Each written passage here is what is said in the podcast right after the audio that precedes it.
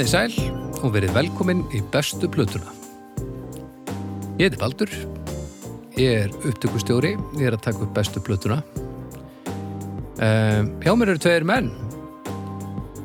Það er annars vegar doktor Arnar Eggert í tónlistafræði.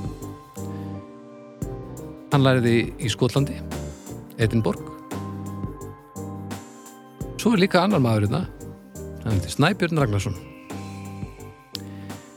Hann vinnur á auðlýsingarstofu, hann semur texta, hann semur lög og hann er með glerugu. Arnar er reyndar líka með glerugu, en að það nú var að taka það fram þar sem hann er doktor í einhverju. Komið sælir, Næ, sælir hvað það segið? Við erum alveg hel nettir sko. Já, Er þið hel nettir? Já, við erum í miklu stuði sko. Já, það er ekki vera. Það er ekki vera og uh, við erum hérna konur saman til þess að tala um músík og, og viðfangsefni þáttarins, hann hefur nú verið í stuði líka, heldur betur. Eh, en við ætlum að ræða bestu blötu David Bowie. Það er ekkert annað. Það er ekkert annað. það er ekki annað sko Þetta er hérna Nei, nú þarf að halda fókus sko Þetta er Þetta er svo Þetta er svo yfirþyrmandi verkefni sko. Algjörlega. Þetta er algjörlega bila Ef maður googlar David Bowie þá líða svona 12 dagar og þá vaknar maður alltaf svona upp á tölvunni bara hva, hvert er ég komin? Það eru Wikipedia greinar um Wikipedia greinar um það sem David Bowie hefur gert. Já. Þetta er ekki eðlilegt að skoða þetta. Ég held að þetta kaffi sé búið. Við erum í ruglinu það Það er gott Þrýr drópar fyrir dóttorinn. Það er note to self Kaupa stærri kaffikonu það Kaupa réttastara bókum, held ég. Já, líka það, já, ég fokkaði eitthvað upp hérna Kaffigerðinni hérna. Komið sér á mig uh, og, og þú veist, þetta, þetta er Þú veist, við vorum að Við vorum að tala um Dead Kennedys í síðasta þetta Mm -hmm. uh, og við hefum, sagt þetta áður í þessari serju sko, það er svona það er svona hérna hljómsveitir og listafólk og svona tólistafólk sem er svona með svona hvað, hvað er orðið Hljóðfæri. viðráðanlegt mengi svona, Mm. þið skiljið hvað ég við Viðra- Ramma, ramma sem mannsheilin nær utanum Já, þetta er bara orðsýra leita Er þetta viðræðanlegt stak í mengi? Já, Eða hvað? Nei, ég það sem ég er að menna er það ef þú ætlar að kynna þetta Kennedys þá er þetta ekkert mál. Þetta eru fjóra plötur Já. afmarkaði ferill, þetta eru örfa á ár þannig, þú veist, þú bara plötunar eru stuttar, þú hlustar á þetta í gegn á einu degi kannski svona, meldir aðeins gerir þetta aftur og svo tekur þú stikkpröfu í, og, og eftir eina viku þá ertu bara frekar vel að þér í Dead Kennedys og nota mér gerið það. Og þetta er pantólist, punktur. Já, mm Bái manni líður bara eins og þú þurfti bara að setja allt annað á hold í svona þrjá mánuði segja upp í vinnunni, hætta með konunniðinni afneita börnunniðinum loka þér í bílskur og reyna bara að komast yfir það sem Bái hefur gert -hmm. þetta er algjört brjálaði Já, já. og svo byrja maður því að skoða bara já, það eru 27 breiðskíu sem hann hefur gefið út og bara, eins og það sé nú ekki nógu styrlað, þá er það bara, það er bara dropp í hafi, hvað með allar bíómyndirnar allar ekki breiðskífurnar bara allar, þú veist allar framkomunnar, allar bara þú veist, ég líku ég noti orðið innsetningar sem ég reynir nú að bara nota aldrei sko, en þú veist þetta, þetta er bara algjört brjálaði Duglegur, Fullkomlega. duglegur og, og svo kann hann ekki eins og verið svo ný ljóng sem er alltaf eins heldur þarf maður líka að taka tillit til þess að hann breytti sér svona 20 sinni sko. Já, já. og þetta er algjör styrlun en að því sögðu erum við með þetta podcast sem heitir besta platan og ég, ég hef sterkast skoðun að hvað er besta platan með, með hérna, David Bowie og hef haft það lengi. Hvort sem að svo skoðun er, er byggð á á mjög, á mjög föst, föstum grunni verður bara að fá fá að koma í ljós því ég ætla að lefa þér að, rífa þetta hérna, þessa skoðun mína í því eins og mögulega getur. Eh, besta platan með David Bowie Mm. er Hunky Dory Þetta er fjóraðaplatan hans. Já. Það ekki vera? Já, líklega. Það er er svo það mikið rugg sko að kemur hann að David Bowie síðan kemur David Bowie aftur Já. sem að er Space Oddity. Já, síðan sko sem er þá. Sem, sem það eða ekki? Baldur kemur hérna með svarið Já, þú veist, uh, þetta er svo flókin ferill að það er ekkert sem heitir Nei, bara ég eitthvað er nákvæmlega Það er það bara er ekkert eitthvað diskografi á, á, á Wikipedia, veist, þetta segir allt. Það er ekki eins og ný, þú veist þú lítur ekki að slegið inn. Það er music career acting career, musicianship. Ég var eitthvað að skoða, ég gætt slegið inn David Bowie discography og þá var til grein um það þó að sé ekki sko, þú veist, þetta er hann lítur ekki lögma um Wikipedia, er er þetta er algjört brjálaði uh, ég, Það er fjórða, ég held að við, við séum Ég held að það sé fjórða. Þriðja eða fjórða ég held að þetta sé. Ef Þú slær bara inn Hunky Dory Þá kemur Hunky Dory is the Hérna er ég með nýja, nýjalda pressu að þessari plötu hérna, doktor. Byrjum á þessu. Já. Hvað viltu segja um það sem er að gerast hér? Við, ég er með, hérna, með gerðalegt hérna, glansandi umslag, fallegt, falleg prentur og svona. Það er flott, það er er, hér er, hér er einfalt textablað, mjög fallegt líka, því ég fíla þetta hérna. Þetta er fjóraplatan. Hvað Fjórða er platan. þriða platan er? Þriðaplatan er Þetta er fjórða The Man Who hljóðskota. Sold the World Mann Soldi World þriða, Hunky Dory fjórða, Siggy Stardust er, er fymta. Já. Þetta er ekki rétt hjá mér. Já, það er The Man Who Sold the World kom á undan þessari Já. og, og, og undan henni var hérna Space, Space Oddity Sem er David Bowie, nummer tvö. Já. og, og, og alveg fyrst er bara David Bowie Já. Já, ok, já, flott. já.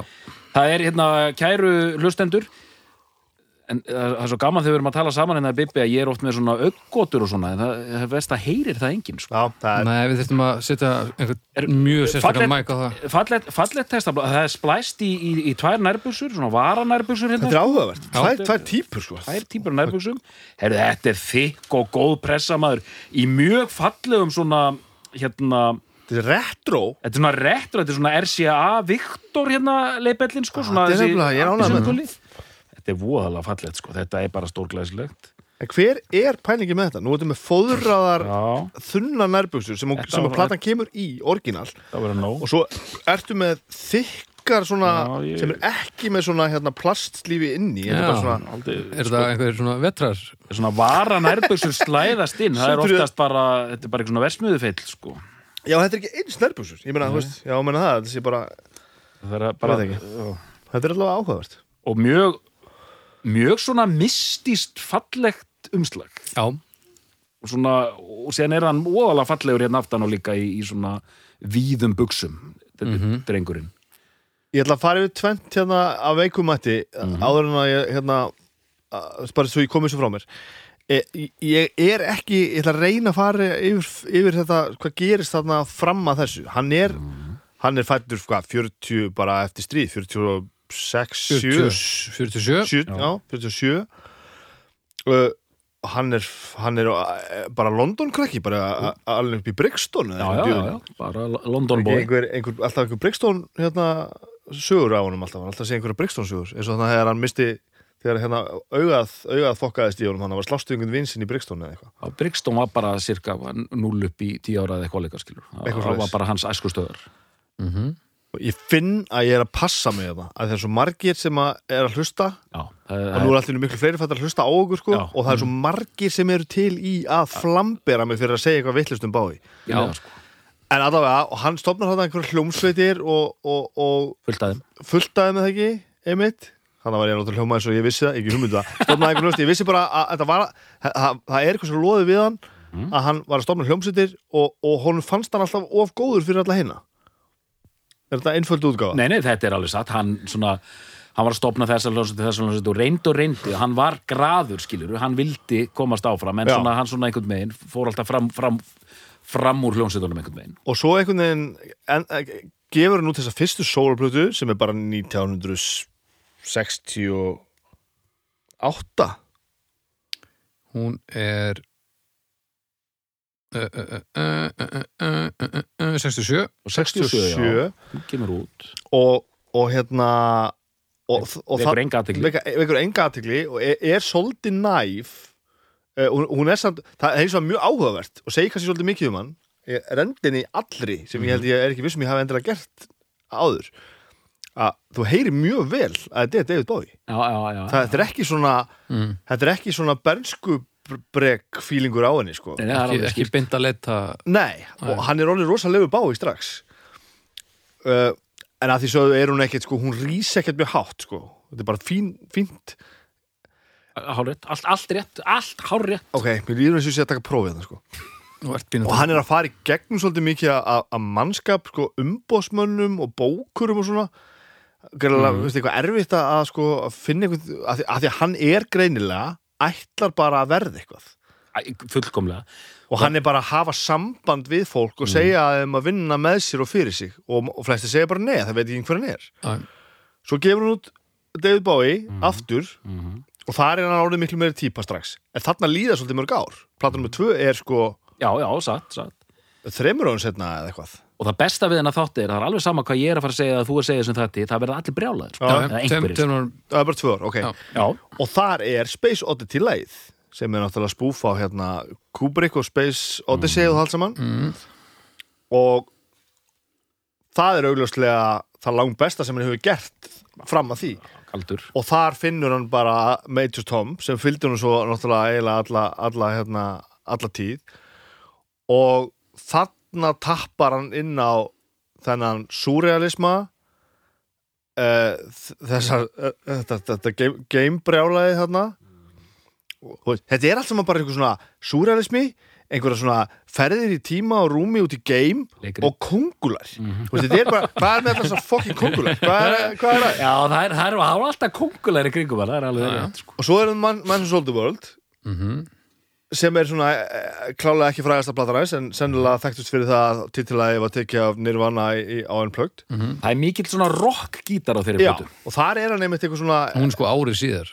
Já, og það er strax orðið þannig að, hérna, að, að hann er að skipta um gýr alveg bara linnulöst og svo kemur þessi eh, og hann náði þarna einhverju aðeins að breyka eitthvað pínu hérna í Space Oddity, það varð pínu svona, en hann er ekki honum frægur á eða? Þetta, hann, hann bara leit jafnvel út fyrir þetta að hann væri undur með eitt smell sko, út af þessu hérna, hérna Space Oddity sko. Já, já, já. það var bara þetta eina lag sko, sem var svona uh, almennlegt sko. Og svo kemur þessi plata Honky Dory og hún byrjar á, byrjar á Changes mm. og svo kemur Oh You Pretty, Pretty Things Mm. og þú veist ok, þetta er Þetta er gott ja, þetta, er- rosalegt sko. svo kemur Eight-Line Poem sem er svona uh, meinlausara svona Mm, kannski tilþrefa minna og svo kemur Life on Mars þú veist, þetta er uh, það, það allt í hennu kemur hann bara og hann, hann, hann negli sín uh, ég ætla ekki að fara lengra með hérna söguna í bili. Við, þú veist, við myndum að tala svo mikið um þetta allt saman en mér langaði að segja sko af hverju þetta er upp á spatan mín. Og ég kem einhvern veginn inn í heiminn á þeim tíma að ég er ekkert að hlusta á bái þetta er bara ekki mitt, mitt þeng sko.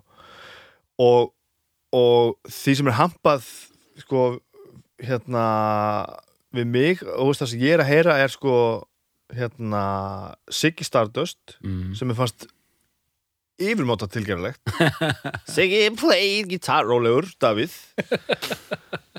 Og, og ég kundi bara þetta er skýti og svo bara þetta hérna Let's Dance brálaði mm og það var eitthvað sem ég bara fann mig ekkert í, það fannst mér bara leðilegt og mögulega finnst mér það bara ennþá ekki skemmtilegt. Ég tengi bara ekkert við það, mér finnst það bara undarlegt þannig að báði fyrir mér var bara eitthvað svona, veist uh, svo bara sá ég hann í bíómyndum og alltaf bara sá hann í læbrið og það var bara geðveikt sko. Mhm. alltaf bara ekkert eðlilegt það sem hann gerði þar.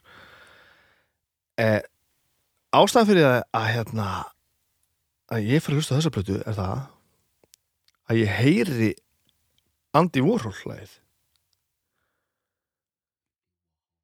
Woho Woho Woho þannig í intróinu þegar að segja hvernig það var að segja það og ég bara þetta riff er sama riff og riffið í millikablanum í Master of Puppets með Metallica. Þannig er ég bara ég er bara svona 14 ára eða eitthvað bara aðal riffið og ég bara digga digga digga digga dum digga digga digga digga dum. Þetta er sko Metallica riffið. -hmm. báir riffið er næstu því eins að því ég er búin að syngja þetta núna þá get ég ekki sungið hitt af því þau eru bara, veist og hérna og, og ég fór bara að tekka á þessu og, og, og það er rétt. Þetta er svona, eh, þetta er svo fullkomlega stólið og ég hlusta á lagi og bara "Heyrðu, þetta er, þetta er þetta er glúrið. David, David, nú ertu glúrið þetta Nú er glúrið ég hlusta á þetta og bara, þetta er ekkit það sem David Bowie sem ég hef verið að hlusta á. Veist, þetta er bara svona straight forward og pínur hreinskilið sko að því sögðu, og svo, svo fór ég að hlusta á þessa plötu að því að þá hlustaði maður á plötur og hann er nú ekki og hreinskilið alls staðar hérna, veist, Life on Mars er svo óskiljanlegu texti og, og, og konsept að ég, ég, ég fulliri að hann skildi ekki hvað hann var að fara þetta er, þetta er síndamennska en þetta er frábær síndamennska Já. og, þannig einhvern veginn bara fekk ég bara geit fyrir þessa plötu og, og, og þú veist þetta eru, best, þetta eru bestu lögin sko. Mhm. E- e- upp, upp á að slæmi þessar plötu er Andy Warhol og mér finnst það- finnst það briljant lag mér finnst það algerlega briljant lag. Uh, ég, ég hugsa að Oh You Pretty Thing sé besta lagi með David Bowie bara fyrir og sér Stórkostlegt lag. Það er rosalega gott lag. Fyndi líka hvernig hann á þessar hluti bakkar núra á svo mikil gítar á hann Men Who Sold the World. Og svo mikið bara endalus riff sko. Ekki hann miklu miklu minna sko. Fyrsta lagið er bara svona ah, sjöminuna riffa geðveiki sko. Já, já. Um, en hérna eins og hann er enn, síðan skiptir hann aftur yfir í, í rauninni það sem hann var að gera í 67 svona, eins og Cooks þetta er rosa mikið svona Tea in the English Garden hérna fílingur þetta er svona la la la la einhver svona hérna, það, sko, eins og Cooks og þetta mm. það, það er bara fullt af bítlunum bara, Já, já, bara, já. og, eiginlega bara örli bítla Já. fílingur í því, í því sko. Svona, gömul ensk sakadeli allt í nú komin hann aftur mm. en er búin að hend, hend, henda út riffunum sko. og svo er sko þetta Song for Bob, Bob Dylan sem er svona ótrúlega áhugavert Mhm. sko. það sem að enginn hefur fyrir að síðar náða að koma því endala heim og saman hvort hann er að handbónum eða að drull yfir hann sko. Veist, það er alveg það er hægt að lesa það í allar áttir þetta er glæsileg útgáfa af þessari plötu já, sko. þetta er fallegt og bara indislega plata, mjög sterk plata og mjög oft telt fram sem bestu plötu báfi ásamt ýmsum öðrum plötum. Já. Doktor, farðum aðeins í, í, í gegnum þetta svona já, sko, má ég með, með hjálp frá Bibba og, og, og, og, og, og þér hérna, mér langar til að bara rúla þessi gegnum allar þessar plötur hans að því við erum í plötu þetta wow. alla, alla plötunar hans? Allar plötur sko. Hérna, en, Já. það ég, þarf að rúla ekki um allar já, plötunum með ég bóði? ætla að rúla ekki um allar plötunar Já. en sömar fá bara eitt orðskilur ég er nú Ok. aðalega bara impressið því að þú haldir og getur gert það. Nú lítur Ok, við. það er nú lítimál, sagði doktorinn. Sko, ok, já. Næsta plata sem kefur þetta er Sigistad Siggi Stardust. Það er Siggi Statur sko, sem er mikið hampað sem veist, hans bestu plötu og þú veist, þar er býran til þetta band og þar er þessi teater eins og hjá Yellow Biafra og bara stuð ég meina flott plata og það er, það er svona 70s báfi alveg á, á, á fílinguflugi sko. Aladdin Sane Aladdin Sane, það er svona heldur hann aðeins áfram með, með það hérna, það dæmi einhvern megin og, en hún er svona dáliti mistæk í mínum meirum sko. nú allir að vera brjálaðir hann úti sko. Pin-ups Pinups var hérna, tökulagaplata Já. en bara skemmtileg. Hún er pínu skemmtileg, það er gaman að hlusta á hana. Bara, já, bara gó, góði víbrarar Diamond Dogs. Diamond Dogs, það er lægið þekktasta. Diamond Dogs, svona rockari sko en svona, svona blanda svona, sem ég er bara svona, já já, ok. Einhvern svona 70s báfi Young Americans. Young Americans, þið þekkið þetta nú þekkið þið öll þessi útáslög, veit ég sko. Young Americans er svona, þetta er svona soul lag mm veist, Young Americans Young Já, já. Americans na, na, Young Americans. Ég, hérna, ég rúlaði henni sérstaklega fyrir þennan þátt og hún er hún er ekki nógu góð sko. Nei, ok, hún er bara ekki nógu góð og mér finnst rosalega gaman að vera í svona David Bowie þætti til að þessi maður var stórkostlegur og allt það en hann var ekki guðalmáttur og þá reynur sko. Ég, ég var rosa til í ártölin með plötunum. Jónga mér er, sko 75 Já. Og Er, eh, ennþá, er árið 75? já, já, Jöfull er hann duglegur maður. Jónga er 75 en mér finnst hún að hann er að reyna sig við eitthvað svona plastsól gengur ekki upp. Sko, bara til að þú fáir ártölin Hangit Dory 71, Siggi Stardust 72 Aladdin Sane og Pin-ups 73 Diamond Dogs 74, Young Americans 75 Við erum komin í 76 Ok. Station to Station. Ok, þarna það er sexlaga plata, þarna er svona arti tilruna báfi byrjar að fæðast svo plata er frábær ok algjörlega frábær plata þar sem hann er byrjaður að verða svona kaldur þessi berlínar vélræni báfi sko. Mhm. Þetta er ekki partur af Berlínar Nei, hún er samt ekki einmitt partur af berlínar þú hljómi í rauninni þannig sko, Já. á köflum 77, Low Það er fyrsta Berlínarplatan ekki Jú, það er fyrsta Berlínarplatan og hún, henni hefur, því að við vantarlega orðið varið við það, henni er oft hampa sem bestu blötu báfi, sko. Já. Þetta er svona hans tilrunakendasta plata, þar sem hann stígur fram með, sko, þetta er svona köld, vélræn tónlist og hlið tvö er bara svona ambient lög, sko, sem Brian Eno Já, já. er, er að vélum. Og þe- þetta er einmitt, já, fyrsta Berlínarplatan og svona rosalega tilkomi mikil plata og, og frábær allt það, en ég hef ég hef ímest þetta mótinni líka. Nú, Djörf Þetta er djörf, Djörf, hún er þetta djörf. Djörf plata. Djörf plata og tilkomi mikil og Það er svona gaggrind orð. Djörf plata. Já. 77, aftur Heroes. Heroes og ég meina lægið þetta alveg stórkostlegt. Platan svona, já já, ágætt. 79, Lodger. Þetta er venjulega talin sísta Berlinaplatan og hún er það einfallega Já. uh, 80, Scary Monsters and Super Creeps. Þessi plata hefur oft verið kölluð síðasta meistaraverk báði og þetta er plata sem kemur út 1980 heitir Scary Monsters.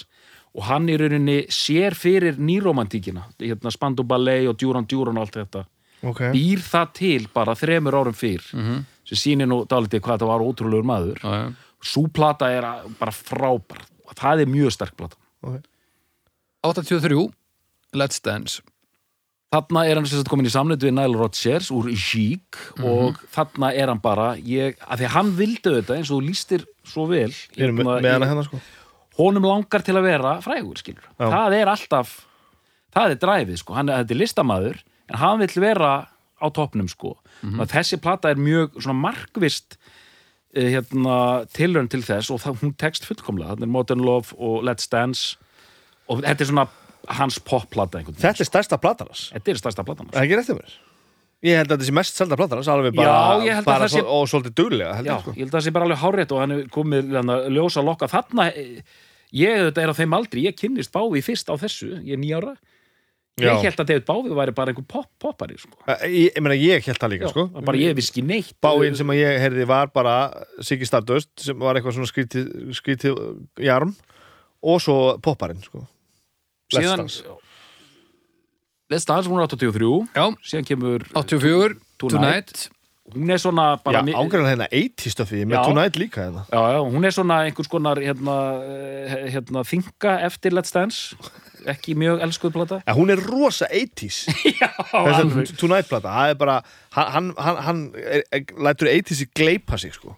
hún, hún þykir, þykir misefnið, hún er svona, já, vásam 87, Never Let Me Down Já, þessi já. plata, já, ég á, ég á þetta allt saman líka sko. þessi plata, maður keipti þetta á 99 krónur í útsölu skífunni sko. Þessi plata er oft bara henn er oft held fram sem verstu plötu báfi fyrir og síðar og það er ákjætti sannleikur í því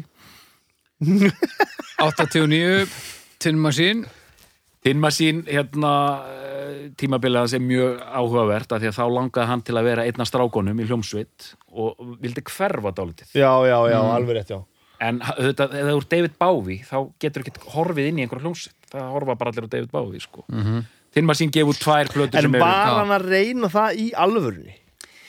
Þetta, Þetta er- e þetta ego-frík sem hann var Þetta er mjög góða punktur. Ég, ég held að hann hafi bara verið á einhverjum skrítum stað. Sko. Hjælt hann ekki bara að hann væri að reyna að falla í, í, í, í hópinn, sko Það hafi verið eitthvað svona, þetta var allan að fullkomlega misefnuð tilhörni hjá honum. Og tónlistin er bara svona, hún er ekki eins slæm og, og, og, og fólk segir, en þetta er bara svona lala, báðar blöðunar. Sko. Já, hinn kemur tveimur árum síðar 91 Mm Við erum komin 93, Black Tie White Noise. Þetta er endurkomu platanars bái. Líða aldrei nema tvö ár á milli platna. Jú. Svona í alvöru talað Jú, Þetta er- Þetta er bara algjört brjála. Ég veit að koma hann að tíu ára gappa eða eitthvað. Þannig að bara í tvö- 2000 og eitthvað, sko. Milli, er þrjú árum milli Scary Monsters og Let's Dance. En- Hérna, Black Tie White Noise kom út 93 þarna er Bávi komin aftur. Hann er aftur orðin heill og þetta er bara þetta er mjög góð plata þetta er svona, þetta er upphafi þetta er eiginlega fyrsta platan þegar hann fer í svona, riðil 2 þannig fer hann loksins að vera aðeins góður aftur sko. sterk endurkomplata Hvað kallar þú riðil 2?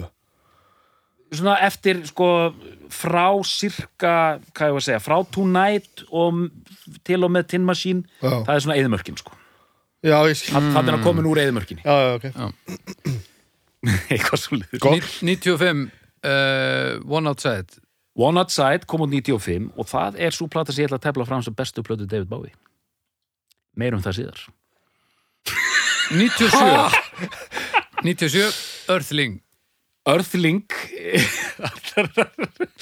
ekki, ekki horfa svona á mig snöfn við erum að Earthling er hérna sem sagt, drum and bass platan Það er skemmtileg plata. Já, hún, hún, Það er plata sem ég hef gaman að Eh, hérna, Örþlinga drömm en bassplatan hans hérna David Bowie, Trent Reznor og svona hanga með þeim og ég, ég, mér finnst hún mjög skemmtileg Og hún er ekki bara eitthvað svona flip tilraun Hún er í alveg alveg bái plata. Hún er nefnilega, hún er góð, ég, ég ætla bara að segja það. Og hún er stundum, sko, hún er stundum grjóthörð Svona drum and bass En samt eitthvað bái alltaf, það er mjög mökkilegt 99 Hours. Já, núna fyrir, fyrir þetta svolítið að slappast. Núna fara að koma út plötur með David Bowie eins og þessi Hours sem er bara svona, uh, þú veist þetta er í fyrsta skipti þar sem svona að vantar eitthvað, þú veist Örþling er rosalega svona er mjög edgy. Edgy, bara ég, ég ætla að gera drum and bass og hún er textað og allt þetta. En Hours er bara svona með þetta er fyrsta svona með platanas Já. Hours, já, Já, hún fær samt uh, fyrir herra á listum almennt. Að, mér, all- mér finnst hún leiður Hún heldur en Örling Já, Örling er náttúrulega bara ekkert nei, Hún nei, er bara frekar strempin sko. Hours, 2002 Heathen. Já, það er líka uh, ekkert skemmtileg plata. Það er önnur með plata. Hours, Heathen og síðan hérna Reality, eða ekki? Jú, árið síðar það er 2003 allt svipað svona með plötur Þá erum við komin til uh, ársins 2013, 10 árum síðar. Þarna líða þessi tíu ár já. Bara Then- loksins. The Next Day. Þú er að leggja þig bái í tíu ár. Já, The Next Day er mjög svona flekkótt plata en samt fín. Og sen er það síðasta platan hans. Já Black 2000 Star, Black Star, Blackstar og hún er ótrúlega góð og bara ótrúlega tilkomi mikið listaverk mann sem vissi að hann var að deyja náttúrulega, var náttúrulega vonlaust að mynda sér einhverja eðlilega skoðun á nákvæmlega. þegar hún kom út maður kom bara allir droppaði ný báiplata og hún, hún var hæpu svolítið þegar, Mhm. þegar hún datt sko mm. að því hún kom náttúrulega bara á Spotify og. Vestlæni bara og ég, ég bara var í vinninu og ég hlustaði á hana og bara, sagði, bara hugsa, maður hugsaði bara þetta er, þetta er nú bara þetta er nú bara gott sko. hann, er nú bara, hann er nú bara að gera gott stöf Mm svo bara tveimundum setna hafa hann bara dáin Já, og þá náttúrulega fara allir að setja þetta í þetta samhengi og þá eftir það náttúrulega gjörsamlega ómögulegt að mynda sér einhver eðlilega skoðun á tónlistinni. En nú er liður þessi tími og ég er endurinn núna í gegn uh, þrísvar sinnum með eitthvað í aðrandur með þessu. Þessi plata, hún er frábær. Já. já, hún er góð. Hún er í alvörunni frábær, ekki bara þegar hann var svo mikið að deyja. Hérna, en hann er vi að- vissulega með bensín á tankin þú veist, að- auðvitað er náttúrulega nóg um að tala. Þú veist að þetta er að þetta er semst listin yfir hérna, lista í heiminum. Bara efstur allstar Eftir alls staðar, já. Já, allstaðar í fyrsta seti Nei, ég sammála, ég náði síðan þessari fjarlæð á hana og þetta er mjög sterk Já, plata hún er mjög góð sko. Þannig að svona er sem sagt plötu ferill hérna David Bowie að minnstakosti Þetta er sko, þ- þetta, þetta er bara, þetta er, þetta er, þetta er brjálað sko. Þetta er ansi vel af svo ekki og svo nefnilega var, hann var að gera eitthvað svona, hann var að gera er eitthvað annað með þessu líka, það er svo fyndið. Já, ég meina síðan hann gera allan anskotan. Og Já. hérna kameljónið og allt það sko. Já, já. en ég ætla að vona að, að, að, að allir sem er að hlusta hafi heyrt þetta því ég, ég er orðin dálítið þreyttur oft á að það er alltaf verið að tala um að þetta sé allt ósnertanlegt og allt sé snilt sem það er þetta alls ekki. Nei, nei bara, eh, En það er náttúrulega eitt, sko, við höfum náttúrulega oft talað um bái veist, þetta gati enginn um að bái alltaf, veist, þetta skipt um gýr og þetta.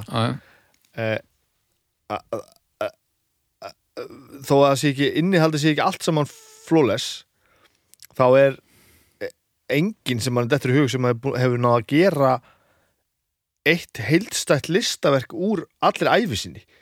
Þú veist, hann er, bara- það er bara talað um hann eins og, já, eins og bara bíómynd. Þetta er satt maður bara tala um Bái og það er bara svona eins og hann sé bara að sé bara einhver svona karakter í, í, í einhverju einhver, einhver, kvikmynd sko.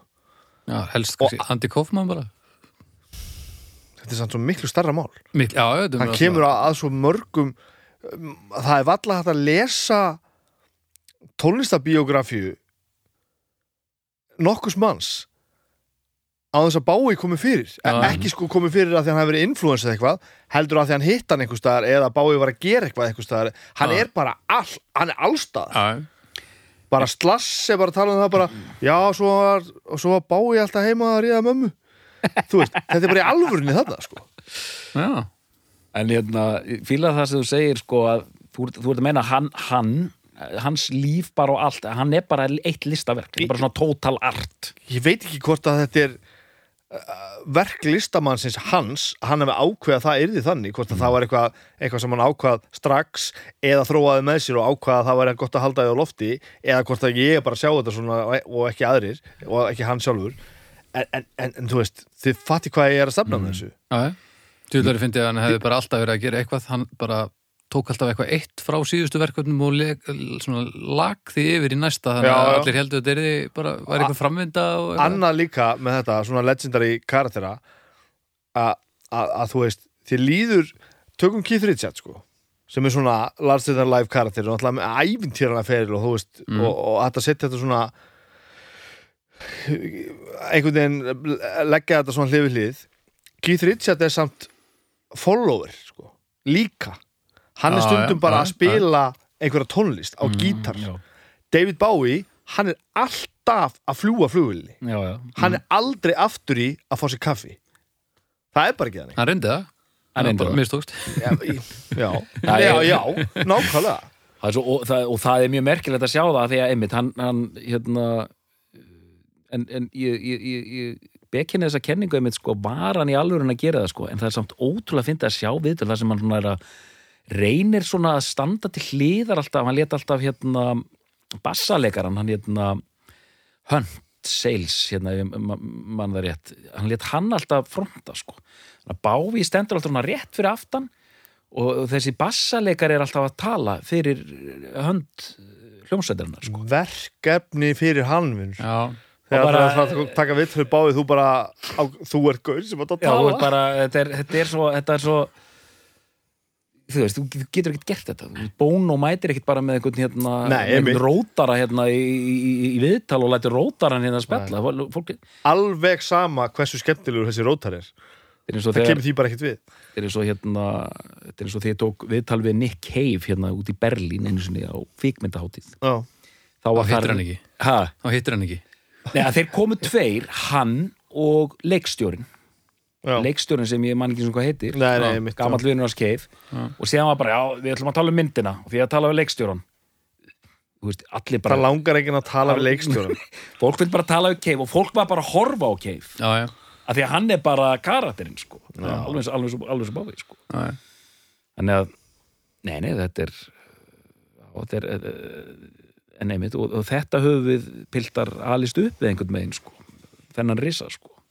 en hann út að tala um þess að sumar plötnuna séu svona ekki, ekki frábærar það er samt einhvern veginn ekki hægt að tala um að hann hafi nokkuð tíma svona misti í sig er það? hann hafi svona virkilega sko eh, þótt haspin eða hallarislegur Já, það var helst þarna á hann að Never Let Me Down þar sem hann, það sem að umfjöllunin er þá bara Já, pínu orðið þannig já. að hann er bara ekki með þetta lengur að, bara, að hann væri bara í fullkomnu ok, rugli sko. ok, ok, ok. já, já. Og það var þannig sko. menn, menn, voru bara menn út í maganum að býð, býð eftir þetta er búið eitthvað tíma já, sko. það er bara þannig ég held að menn hafi alveg haft trú á honum sko. Já. en það var bara svona ah, þú veist, gefur út Tonight sem er svona ah, síðan kemur þetta Never Let Me Down maður bara, nei, þú ert ekki, nei, þetta er ekki alveg að virka sem bara tinma sín, nei, nei, nei og það var bara nei, nei, nei, þannig til að já, já, já. Black Tie White Noise kemur lóksins út þar sem hann svona allt í hann bara búin að stilla bátinn sko, einhvern veginn, komin út úr þessu sko. Já. en já, bara stórkustlegt en þú komst aðeins inn á uh, hver er þín uppáhaldsplata Já, ég skal vera alveg heiðalegur, ég var einmitt að hugsa um þetta áður en ég kæmi í þáttina því ég er ekki, þáttur ég viti ímislegt um David Bowie Mhm. og fíli mjög mikið af því sem hann gerir mm -hmm.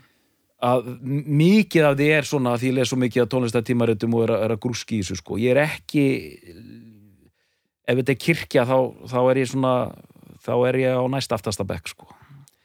eða kannski, ja, þú veist ég, fyrir miðju. Já, fyrir miðju kannski, ég er ekki í svona eins og sömur í einhverjum trú, trú, trúarhóp sko. Nei, það er ekkert verið að skýra þig. Þannig að ég var svona svolítið að, að hugsa, ok, já, Hunky Dory jú, þetta er skynsalegt hérna, þú veist, það er, jú, jú, hún hún er alveg frábær og geti verið besta platan hans. Síðan fór ég að hugsa um Low og ég, ég mjög oft hlusta á Low, hún er mjög sterk en mann lita svolítið að því hvað maður les um þetta er besta plata báði, sko.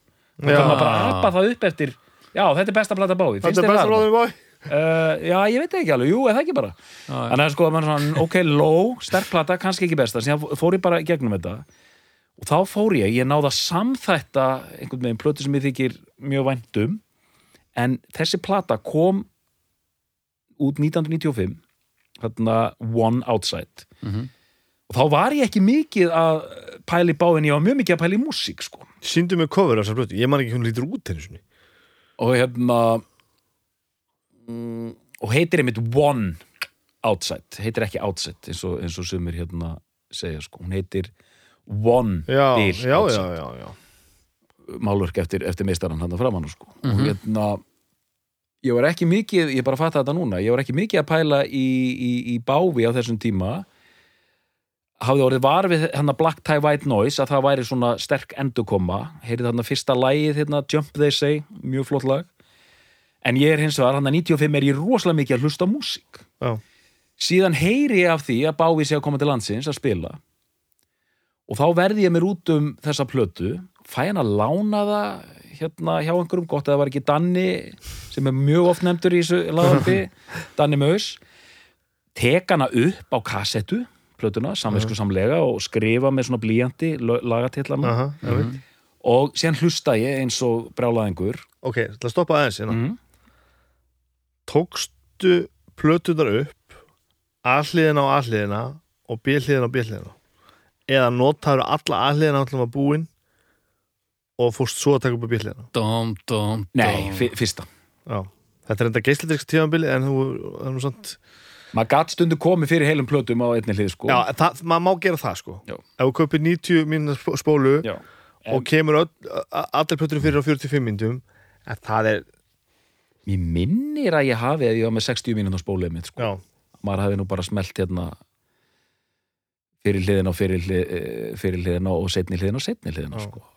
Fyrir okkur hérna OCD-menn sko, þá bara annað meikar eiginlega engan sens sko. algjört fokk það, það, það, það, er algjört fokk að taka upp sko ef, ef ef við erum með 12 plötu 6 og 6 segjum það, svona til að gefa einhver, ein- einhver dæmi sko, þú getur ekki tekið nýju lög Nei. þá upp á A-hliðina og þrjú á B Nei, nei, það er ekki leið það bara virkar ekki þannig sko ég man ekki. En voruð þið stundum, ég man ekki hvort maður var einhvern veginn með einhver æfingar að taka upp plötuna svona eins og þú lýsir, sem er alveg bannað og bæta við einhverjum auka Já, ég maður gerði það stundum en, en þá var maður líka bara á einhverju djöflasýru því að Jú, þá var maður bara að klára hliðina og það var bara miður lægið sko. Það var maður- líka ein íþrótt sem ég man enda skyndilega eftir, það var að taka upp sko þrjár plötur á eina kassetu. Já, eina ný, 120 Nei, 90 sko, ef þú ert já. með stuttu plötuna sko, Já. punk, punk, punkstöfu, Já, já, Bad já. Religion sko, þá getur komið fyrir þremur sko, fremur já voru, voru, voru um hálftími sko en maður keifti ekki mikið á 120 mínúna Nei, það teipið var svo lélegt, Já, það var svo þunnt sko og svo þungt fyrir tækið að draga sko. Já, var það mál? það var líka vesen sko. en maður, Bara- maður þurfti að vera bara það með sem maður skrifaði á að var, var lél teip var náttúrulega kannski bara maður átti bara ekki lípherr hvað er þetta ekki? tækið, þetta er bara þetta var bara ómikið ómikið af kartoblúpökum komnar á, á axlinar á, Já, á, já, á, já. á tækinu sko. full, fullkomið format. Hérna, en þetta ætti nú að vera þín platta líka. Er No Control, heitir eitt lagi á þessar plötu. Já, og trefin að lögum sem heitir No Control. Hann er að stela þessu, þetta er lungu eftir að nóg kontról kemur Já, já. Já, ég ætla að nefna sagt, hérna, þessi plata One Outside þarna er Bávi komin í mikið listrænt stuð. Og hann var, ég, var ekki framhald að þessu og tókst hann á spóluna? Þú varst að fara, fara á tónleika og eitthvað? Já, já, já, ok, þannig að segja satt Ég er að fara, ég frétta því að Bái er að koma til Íslands að halda tónleika. Þannig að ég fæ hérna spóluna, nei, plötuna lánaða á geisladisk, ef mann rétt hjá uh, Danna vinnu minnum held ég. Tek hérna plötuna upp á, á kassettu og byrja bara að hlusta. Aha. í hérna, uh, hvað heitir þetta? Hérna, bara á, á Walkman. Uh, og bara hlusta og hlusta. Og þessi plata er sem sagt þannig Bávi eins og hann á nú bara eins og hann er, hann er komin í mjög mikið listanætt stuð þarna. Black Tie, White Noise var bara svona venjuleg popplata.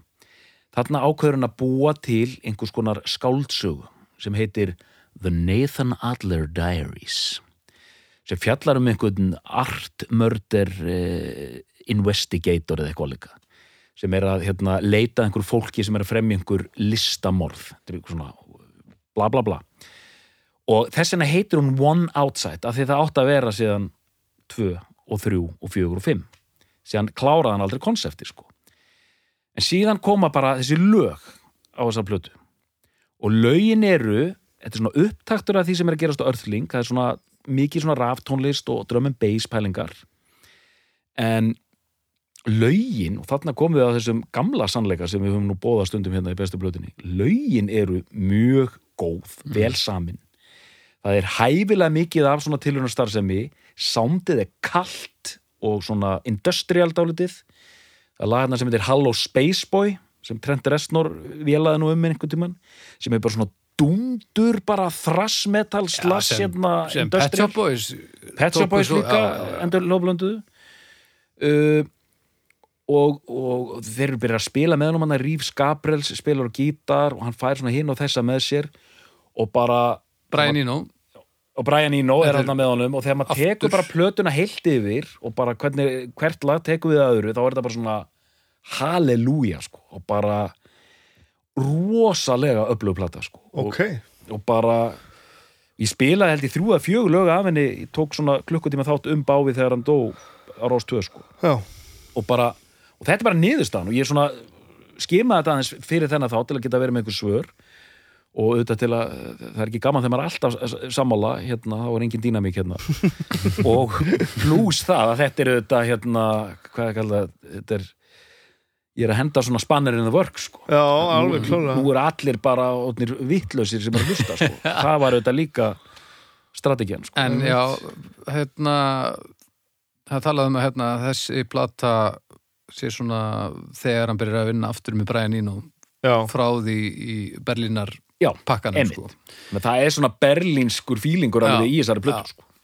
Og í Örtling líka, sko. Já, algjörlega sko. Alveg bara, alveg klálega. Það er tvær eru svona dálítið tengdar hvað það var það sko. Mm og ég átti líka einmitt Earthling á kassettu og þá skrifaði ég á kantinn Earthling eins og það er skrifað. Það er skrifað skringilega. Það er Já, E-A það er svona- og B Já, já, já, og já, svona. já. en ég skrifaði það eins Auðvitað. Rétt skal að vera rétt.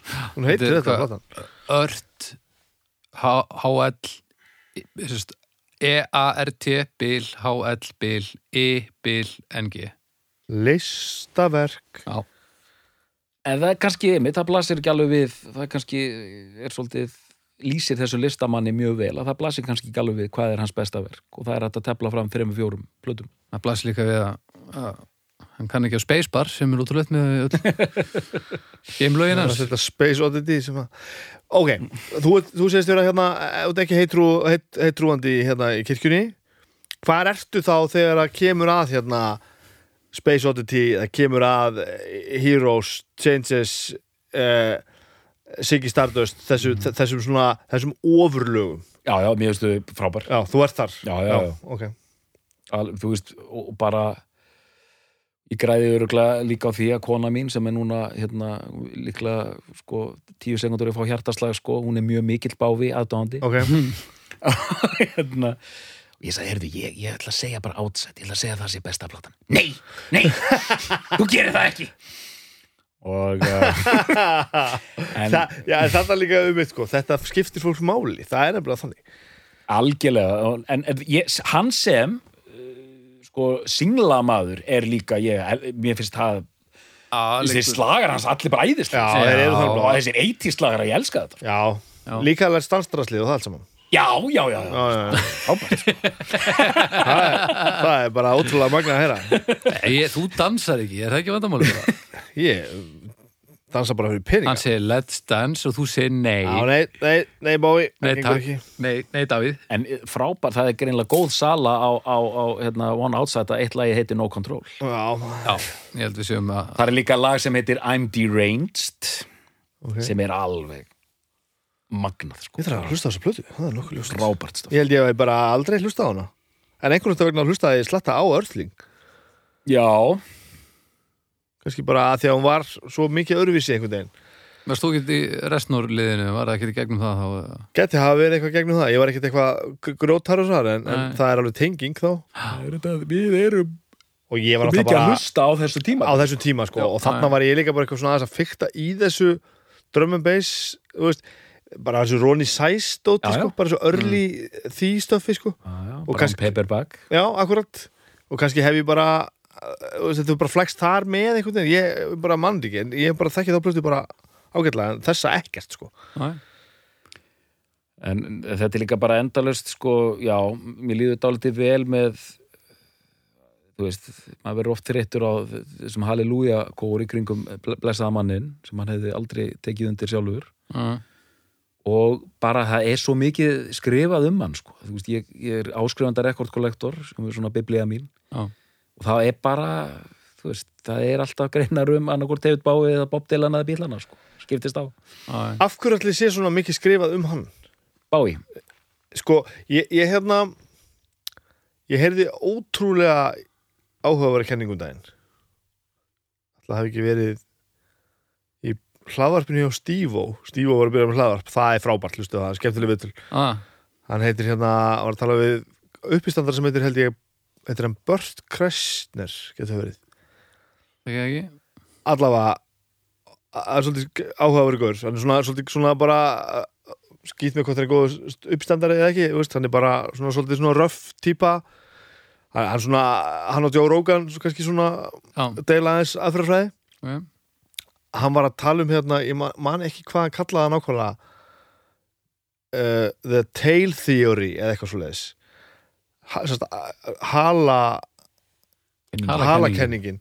að ef þú tekur ef, þú bara nógu ef, þú nógu duglegur að gera eitthvað búa eitthvað til senda eitthvað frá þér og ef þú hugsar um hvert og eitt svona item sem hérna viðbót við halan á þér þá lengist alltaf halinn mm.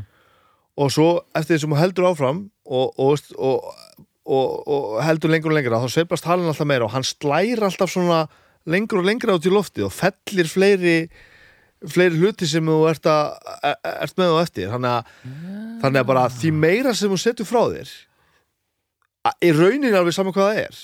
Þú fer bara að ná svo miklu lengra og á miklu stærri skala.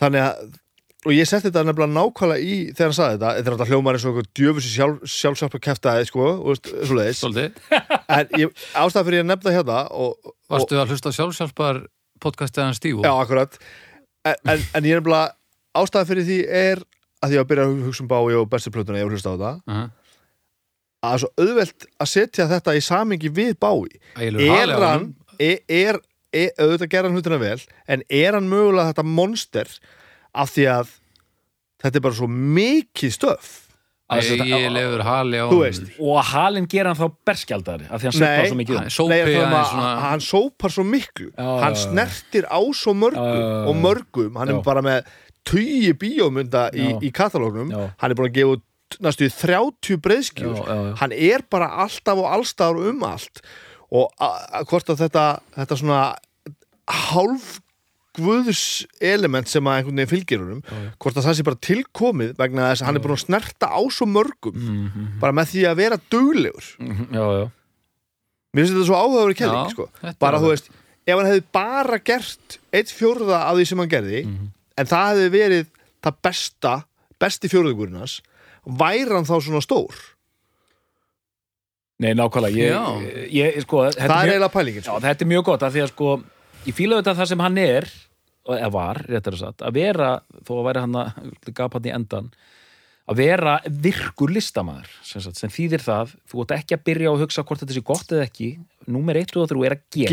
Gera, það er ramminn, það er ekki innihaldið. Uh, þannig að hann greinlega skildi það. Eitt sem hann náði líka ansi eh, vel sem er, er útrúlegt að það hefnaðist svo oft hjá honum að skipta um kúrs. Já, já, og gera það á þú veist, þú ert komin yfir ferdugt þá er mjög ólíklegt að þú getur gert drum and bass plötu sem er sæmilega samfærandi það er, er raun og umöðulegt sko. Ég held að hans, ég held að hans leinivopn þar hafi verið að þetta var hans þing. Já, Já, að skiptum gýr þú veist, það, það var gimmickið að, að fara að gera eitthvað annað. Það var ekki svona, já, nú ætla ég að endur uppkvöta mig. Já, já, já, já, hans já. þeng var bara að gera ekki það sama já of lengi já, einu, já. bara nú, nú ger ég eitthvað nýtt nú ger ég eitthvað nýtt sér líka uh, mikla sögur af því sem er alveg magna sem sýnir hvað þetta var runni ótrúlegu maður, hvað var mikil orka í honum hvað var klár sko að hann fylgdist ofsalega vel með hann var músíknörd eins og við hérna. já, þannig að hann var alltaf skref á undan þannig að hann vissi alltaf hvað var að gerast mm. hann var alltaf að fíla þessi bönd sem kannski voru svona up and coming sko. þá var hann með það alltaf á tæru sko. já, var, að, var að gesta syngja með einhverju hérna, fólki og fá einhverju svona unga og, og svona var rosalega svona bara svo svalur sko, var alltaf með puttan á púlsinum sko. já, alltaf bara með ástriðuna fyrir þessu. það, það komið öðrum sem við höfum talað á, á, áður um í þessum þáttum. Eins og við tölum til, til dæmis um þetta í sambandi við Chili Peppers. Þegar Chili Peppers hætta að vera leading og fara að vera following. Já, já, já, já, einmitt, einmitt, einmitt. Þú veist það sem er, það sem er hætta að vera brauðtreyðundur og búa til músíkina og fara allt í hennu að, og, þú veist, þróast og allt í hennu þeir fattir að, að fylgja strömmnum sko. Alltaf uh, mann líður ekki eh, þannig með bái Nei, alls ekki. Það er svona eins og hafið, þú veist ha- haft þetta skilbræð, svo út að segja vera nógu mikið að fylgjast með grassrótinni hann að hann hafi getað stokkið á þetta áður. Hvort sem það er strategi eða, eða bara, bara, reyðlega bara bara, hann hefur bara svona giftet, sko, bara Já, sko Nei, ég held einmitt sko já, svo, einmitt svona lengi og býr, þú veist þetta er maðurinn sem sko býr til í rauninni sko býr til svo margt sko býr til svona nýromantík þarna á Low og síðan líka á þarna á hérna Scary Monsters plötunni. Mhm. svona er, er einhvern veginn alltaf undan í, í, að, í að þróa það einhvern veginn áfram sko. og svona, mér finnst líka gott ég veit ekki alveg hvert ég er að fara með þetta en ég vildi nefna hann með, líka með húmó fyrir sjálfum sér. Þetta tinnmasín, hann var að tala mjög illa um það. Síðan er hann að spila á einhverju tónleikum og með einhver tinnmasín lög og segir bara, jæja herru, na, nú kemur hérna lag sem ég hérna, samti nú með hljónstinn minni tinnmasín og segir hann, "Eh, nei, nei, býðið, býðið, komið aftur komið aftur. Þannig að hann gæti alveg sko teki, teki, var ekkert að taka sig of, of alvarlega heldur sko. Nei. Nei, og maður svo það líka í sum hluturkun sem hann tók Þú veist, í bíómyndurum, já, já, já, alveg klála Og en, og, en, en eins og ég hef stilt hérna fram þessar þrjár plötur hérna Hours, hérna, Reality og, og hvað hún hér nú sem ég fannst að vera svona með tímabil. Ég er svo gladur að hann náði að loka Já, glæsilega nákvæmlega það er ótrúlega flott Og líka bara, Blackstar veist, bara eins og, eins og þessu hafi verið leikstýrt eða bara, þetta er veist, að gefa plötun út og deyja. Já, Já, um þetta er alveg leið. Þetta Þetta er- var, þetta er öll þetta er svona ultimate listaverk Þetta alveg, er þú veist. alveg ótrúlega tæming sko. Já, þetta er rosalega flott tímasetning Ég þetta, er, meina, þetta, er, þetta sýnir að ha- hafa, hafa rytmi í stráknum sko.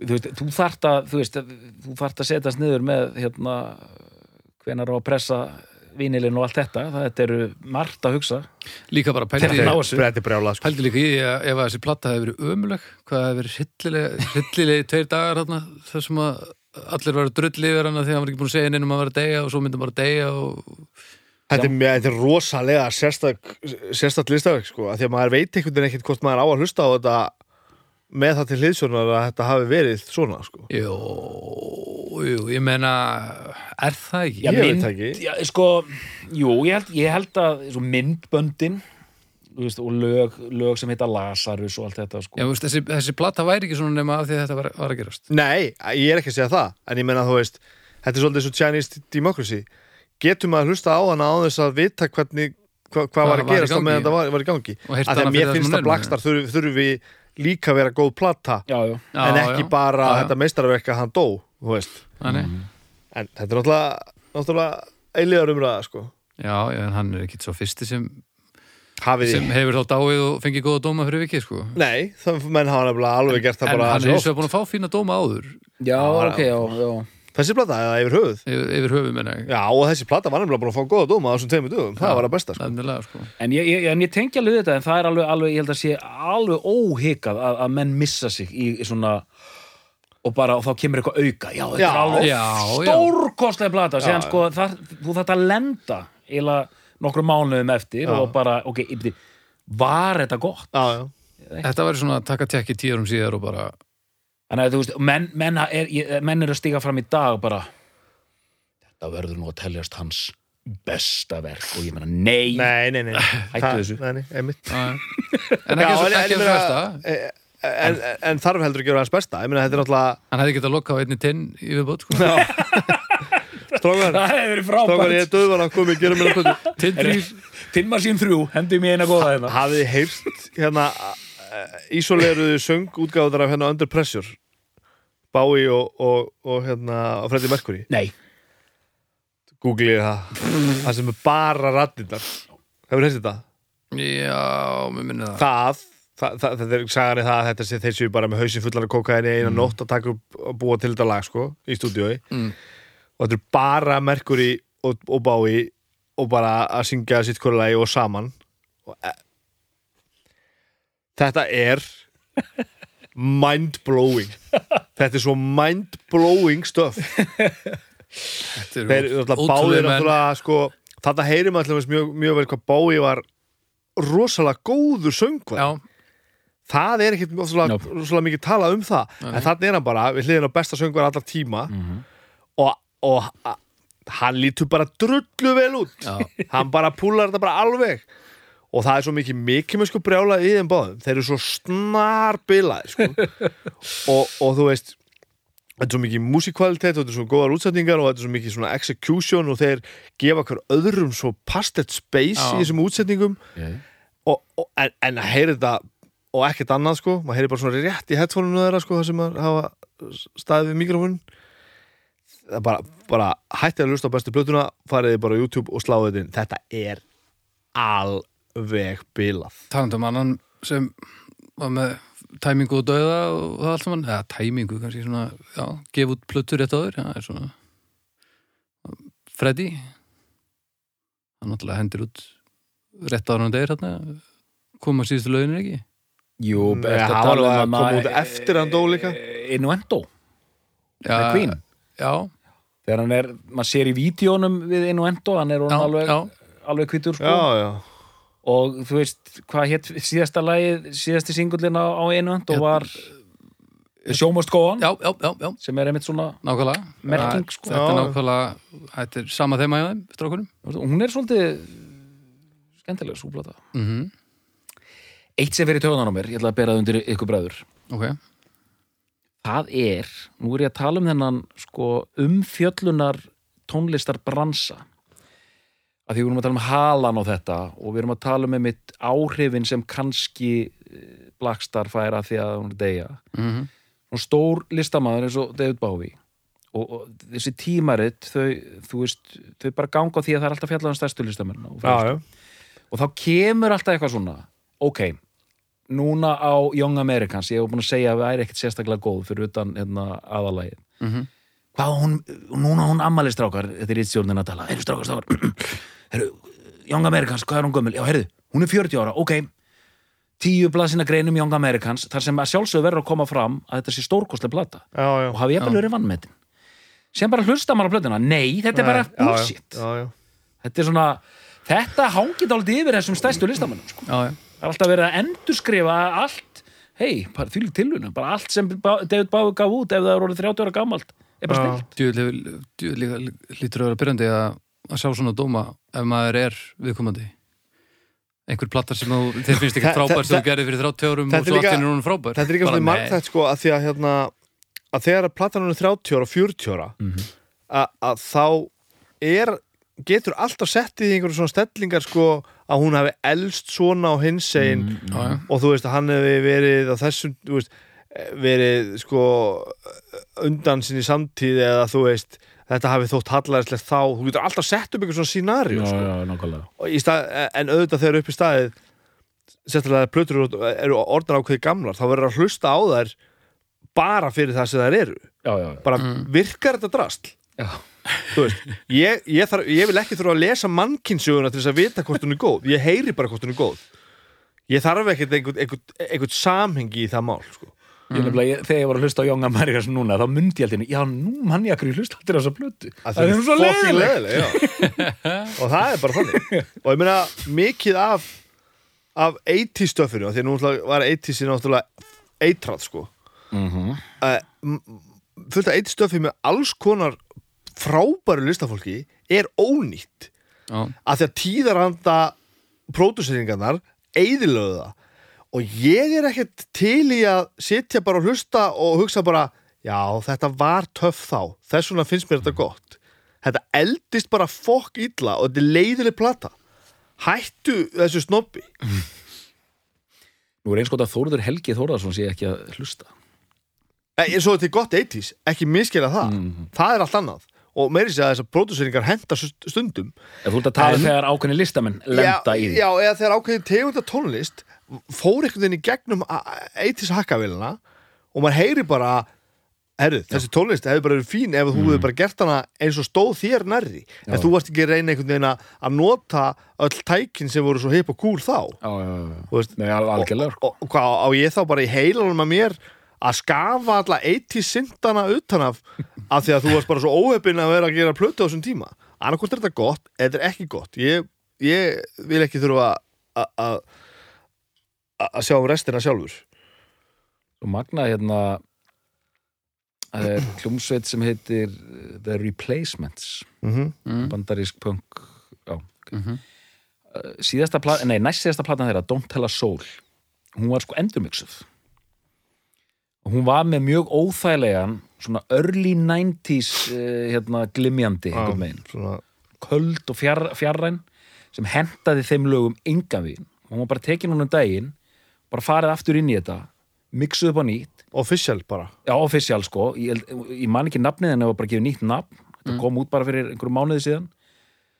Og miklu hlýrra nærðir og bara svona já og auðvita þessi lög Já. eiga að hljóma svona já, en virkaði það sem sagt það virkaði bara það, maður, að ég hafði oft verið að reyna að komast inn í þessa plötu og hún var alltaf bara ekki að virka En svo stumraðu, mixið virkaði sko. hvernig var hlutfallið á þeim sem voru brjálaðar og þeir sem voru sáttir?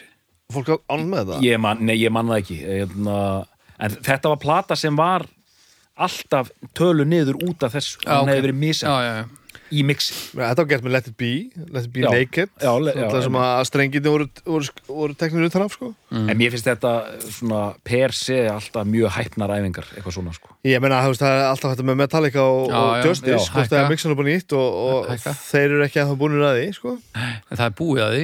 Já, það er búið það, en það er svolítið annað statement, sko. Já, já. Ef þú segir bara, að þeir eru núna, síðustu árið, þeir mér sem búin að vera að ta tala þeir sjálfur um það bara, já, þetta var ekki gott hjá okkur. Já, já. En þeir eru ekki búin að stíga, stíga skrefið að gera. Nei. Og, og þú veist, eins og segir, þetta eru- þetta eru hæfnar, hæfnar æfingar. Því að þú veist, hvað ert að gera? Þú, þú, þú ert að breyta sögun einhvern veginn. Þú ert að laga það sem sumum finnst vera það besta í heimi. í að Sem nákvæmlega Já, já, það er kannski með það, sko. Frank Zappa gerir þetta það verður endur útgefa okkur á plötur sko, 60s, 70s og það verður endur útgefaður einhvern tíman og sem var bara allir bassin tekin út og bara endur spilaður.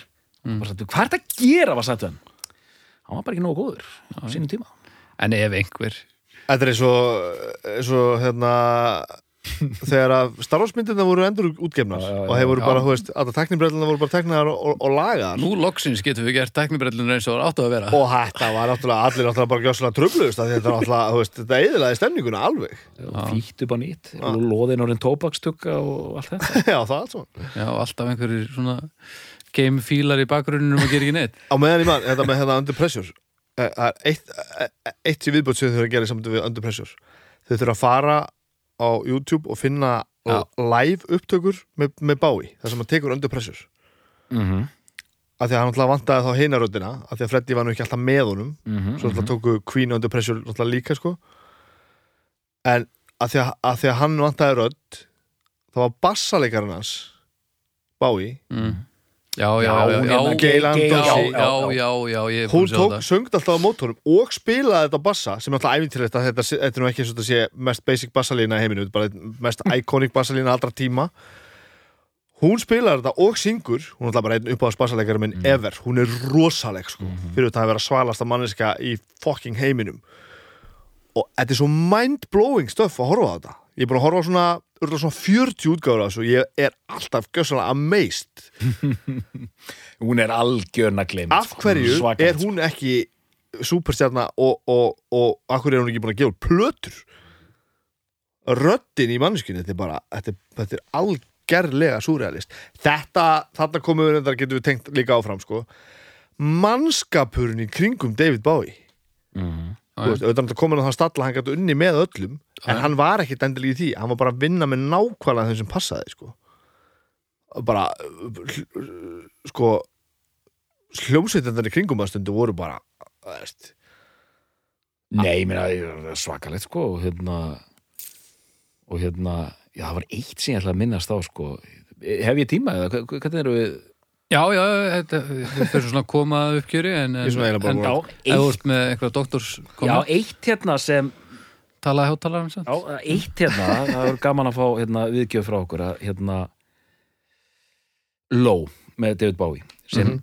er uh, í, oft og yðurlega, þú veist, lögin heita hana Varsava og eitthvað svona Mhm. og svona arti kuldaleg og eitthvað svona og þetta sé nánast sko, hún kom út 77 þetta sé bara nánast einhvers konar post-punk og það hafiði mikil áhrif á punkið og svona rosa uh, fyrri hliðin eru svona e- venjulegri lög þó þau séu svona frekar víruð. Þetta er eiginlega ekki punklög, bara svona víruð stutt lög og hérna og bara við geðum ykkur textum þetta bara You're such a wonderful person but you have problems. Og bara hérna, ok. En máli er það að hún er nær aldrei að vera eins cool og menn vilja að hún sé að því að það eru svona hundar að spila með honum inn á plötum það eru svona gamlir 70s hundar. Uh, einhverjir bara sessjónspilarar frá LA já, sem er að spila þessi lög og sem tók báfi stundum með þessa menn með sér áfram einhver verkefni. Og þetta hefur alltaf farið bara pínuleitu tögunar af því þeir eru aðeins ekki að púla þetta sko. Að það sé Já, bara of sérlega, það vanti bara svona já, já, vanti bara ástríðuna eða þannig. Já það, svona, það, það er eitthvað sem gengur ekki upp í jöfnunni. Þú ert með coverið á low sem er rosalega svalt. Þú ert með lög sem heita Varsava sem er bara eitthvað svona ambient kuldadæmi. Allt það er mjög cool. Síðan er einhver sko LA funk-gaurar með hérna afró að þykjast alltaf spila einhver svona kuldaleg hérna arti lög sko. Já, það er eitthvað þarna sem hefur aldrei gengið almennilega í haustum á mér sko. hmm. bara þetta er bara ekki ég er ekki að setja þessi ekki rétt og ég er ekki að segja að þessi menn get ekki gert Nei, ég skil held ég samt alveg hvað þú ert að fara bara eitthvað svona sko. Þetta er alltaf, þú veist uh, það sem maður sá til mig skerast þegar að hérna, þegar Farrell fór að taka hefur veist, hérna, og No Doubt, nei, hérna jú, hann, Lucky og það allt saman mm. já, já, A, að þú veist, þá var hann farin að rekrúta sko gömlu fusion soul mm rithma hundana sem Mhm. spila lögin sko. Já, já. og það er náttúrulega svo hárrétt Mm að þetta er svo, Mhm. þetta er bara svo uppfærð útgáfa af því sem þessi gömlu Já, drullar gera best í heiminn það er engin, þetta er þitt forti hann er búin að taka þetta upp á upp á næsta level sko, búin að þróa þetta aðeins lengra en lætur þá spila þú veist það er alveg sama hversu góður teknotónlistamæður einhver hvítu kall frá Newcastle væri. Ef hann var að spila þessi lög þá væri það rán já, já. Emmitt, þetta er svona, en svona að voru að finna hjartað í þessu og einhvern veginn láta það gerast. Það er þessi farriðlega snillingur er að gera. Þetta er alveg hárétt þetta er svona, það notar svona mjög grófa líkingu, þetta er eins og að segja ok, ef ég var að tala við Bávi, nú ætla ég ekki á hún ráð. Ok, David, þú ætlar að gera þess að plötu low. Já, ég ætla að gera low þú ert að vinna með Brian Eno og gera svona hérna, ambient lög, já, já, ok, þetta er allt cool. Og síðan ætla ég að gera svona úrroslega víru lög. Þá hefði hann, ok. Eh, fáðu þá East Bay Ray til Já. að spila gítar einmitt. Ekki fá gamla vinðin sem spilaði inn á Siggy Stardust. Já. hendu þessu liði út. Aha. en það var það sem hann gerði ekki. East Bay Ray spilaði ekki inn á Nei. heldur aðeins of gamlir hundar þótt að það hefur bara verið fimm árum fyrr bara ég hefði gefið hann það ekki vera með þessa gömlu af því að það bara, það mun leka inn í hljóðmyndina. Já. Þetta er svo, þetta var svo doktorslegt Þetta var mjög doktorst. Ég vil hérna hins vegar áður en að þetta fer allar leið ég vil heyra þið segja eitthvað meira um höngidóri Já, ja, Við tökum það bara í uppgjörinu. Nú á að fara að stjórna hættinum hérna. Já, hugsa þér já Við byrjum, við byrjum, eh, eh, not, eh, já, við ætlum að byrja á snæbyrni Er, er sem sagt, er upp, uppgjöruna? Það er uppgjörnuna uns Já. Uh, Núna. Þetta er svo stórt sko. Ég hérna þú vilt fá meira frá dóttornum um þessu flötu um, Já, já, ég þarf að fá það sko. Já, já, það, það, það, það kemur allt saman. Þú, Já, Snæbjörn, ég er bara að hugsa hvernig ég á, að koma að þessu uppgjöru mér. Hérna Bái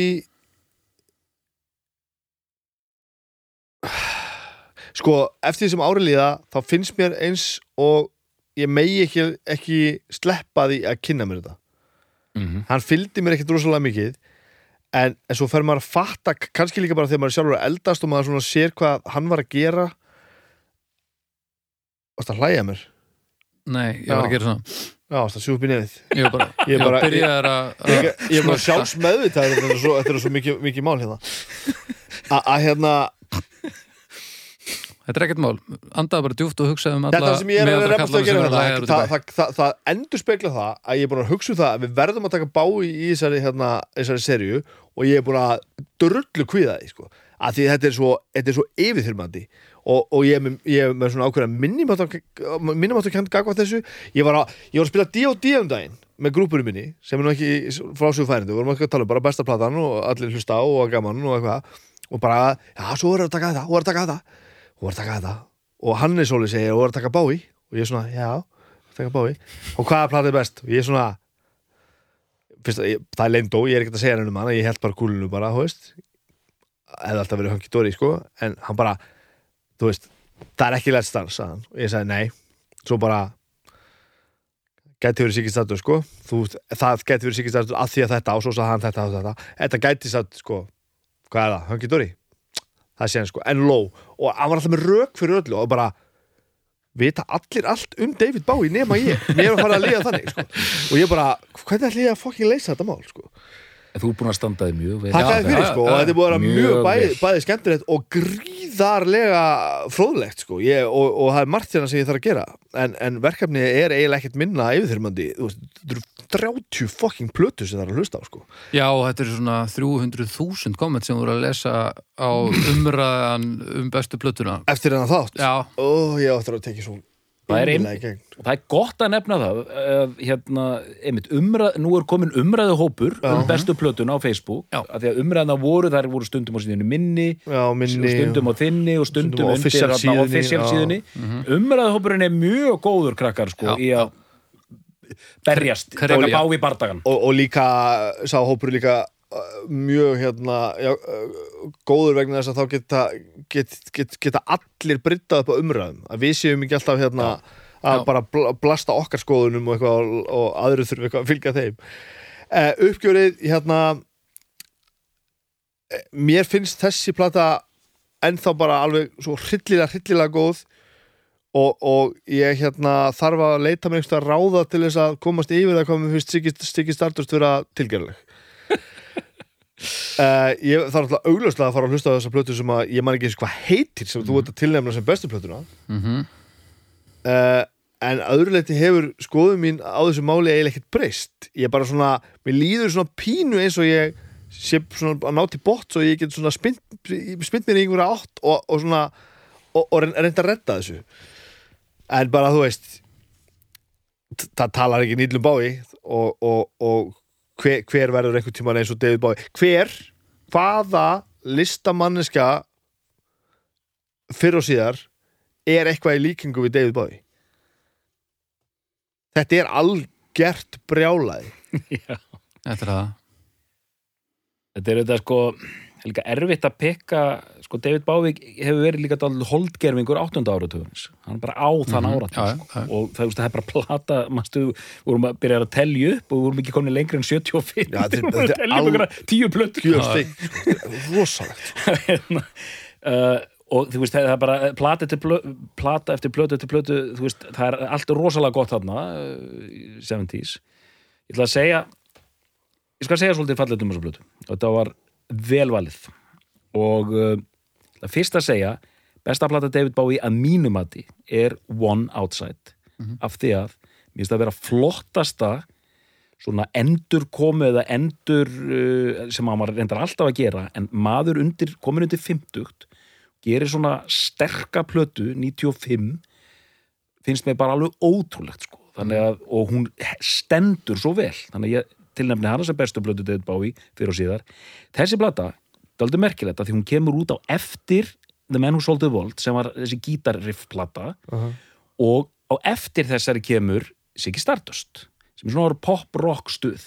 Þetta er svona þetta er svona rólega fallega pínu inn í sig hérna vel samin lög sum eins og hérna Eight-Line Poem, Cooks Cooks fjallar um svona fjölskyldulíf og svona þannig að hann er svona er hún er nánast á köplum svona uh, akústísk og það er bara einhver svona nánast ró yfir þessar plötu og Já, bara svona Andy Warhol-lægið er Já. bara, bara doblaður kassagítar og, og, og söngur sko. og sýnir strax hvað hann er mikið, mikið kameljóna hann er svona skiptinu stíla bara eh, eins og ekkert sé á milli þessar platna sko. en eins og þú segir, hann, Andy Warhol og Bob Dylan lagið hérna þetta er bara svona já, það er bara einhver og, og, og öryggi yfir henni svolítið svona. hann er að, auðvitað byrjar að finna sig mjög vel bara þetta er það sem ég á að gera.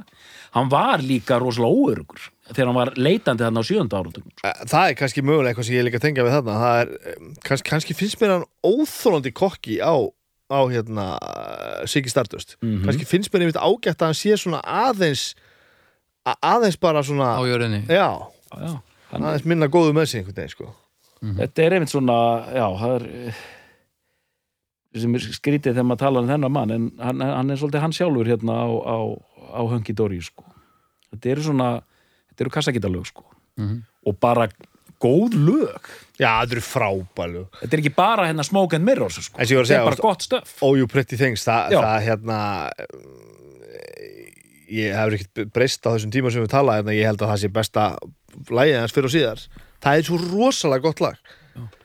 Ég veit að hérna Móhauður mun berað um á gullstól bara frá Reykjavík til Húsavíkur eftir þetta komment. Já, það, frábært. Komin í góðu bókina, sko. og svo bara Metallica aðdæðundur bara hlustið á Andy Warhol og segið mér þetta sé ekki sama lag. Og, og, og, og nota benni, það er yfirlýst að Cliff Burton var brjálað fann sko, þannig að þetta er víst ekkert hérna, þetta er engin tilviljun. Þetta er bara mjög gott. Þannig að Snæbjörn er þetta besta platta David Bowie? Ég ætla bara að segja já. Doktor, er þetta besta platta David Bowie? Ég ætla bara að segja nei. Við þakkum fyrir í dag og við heyrumst að viku leðinni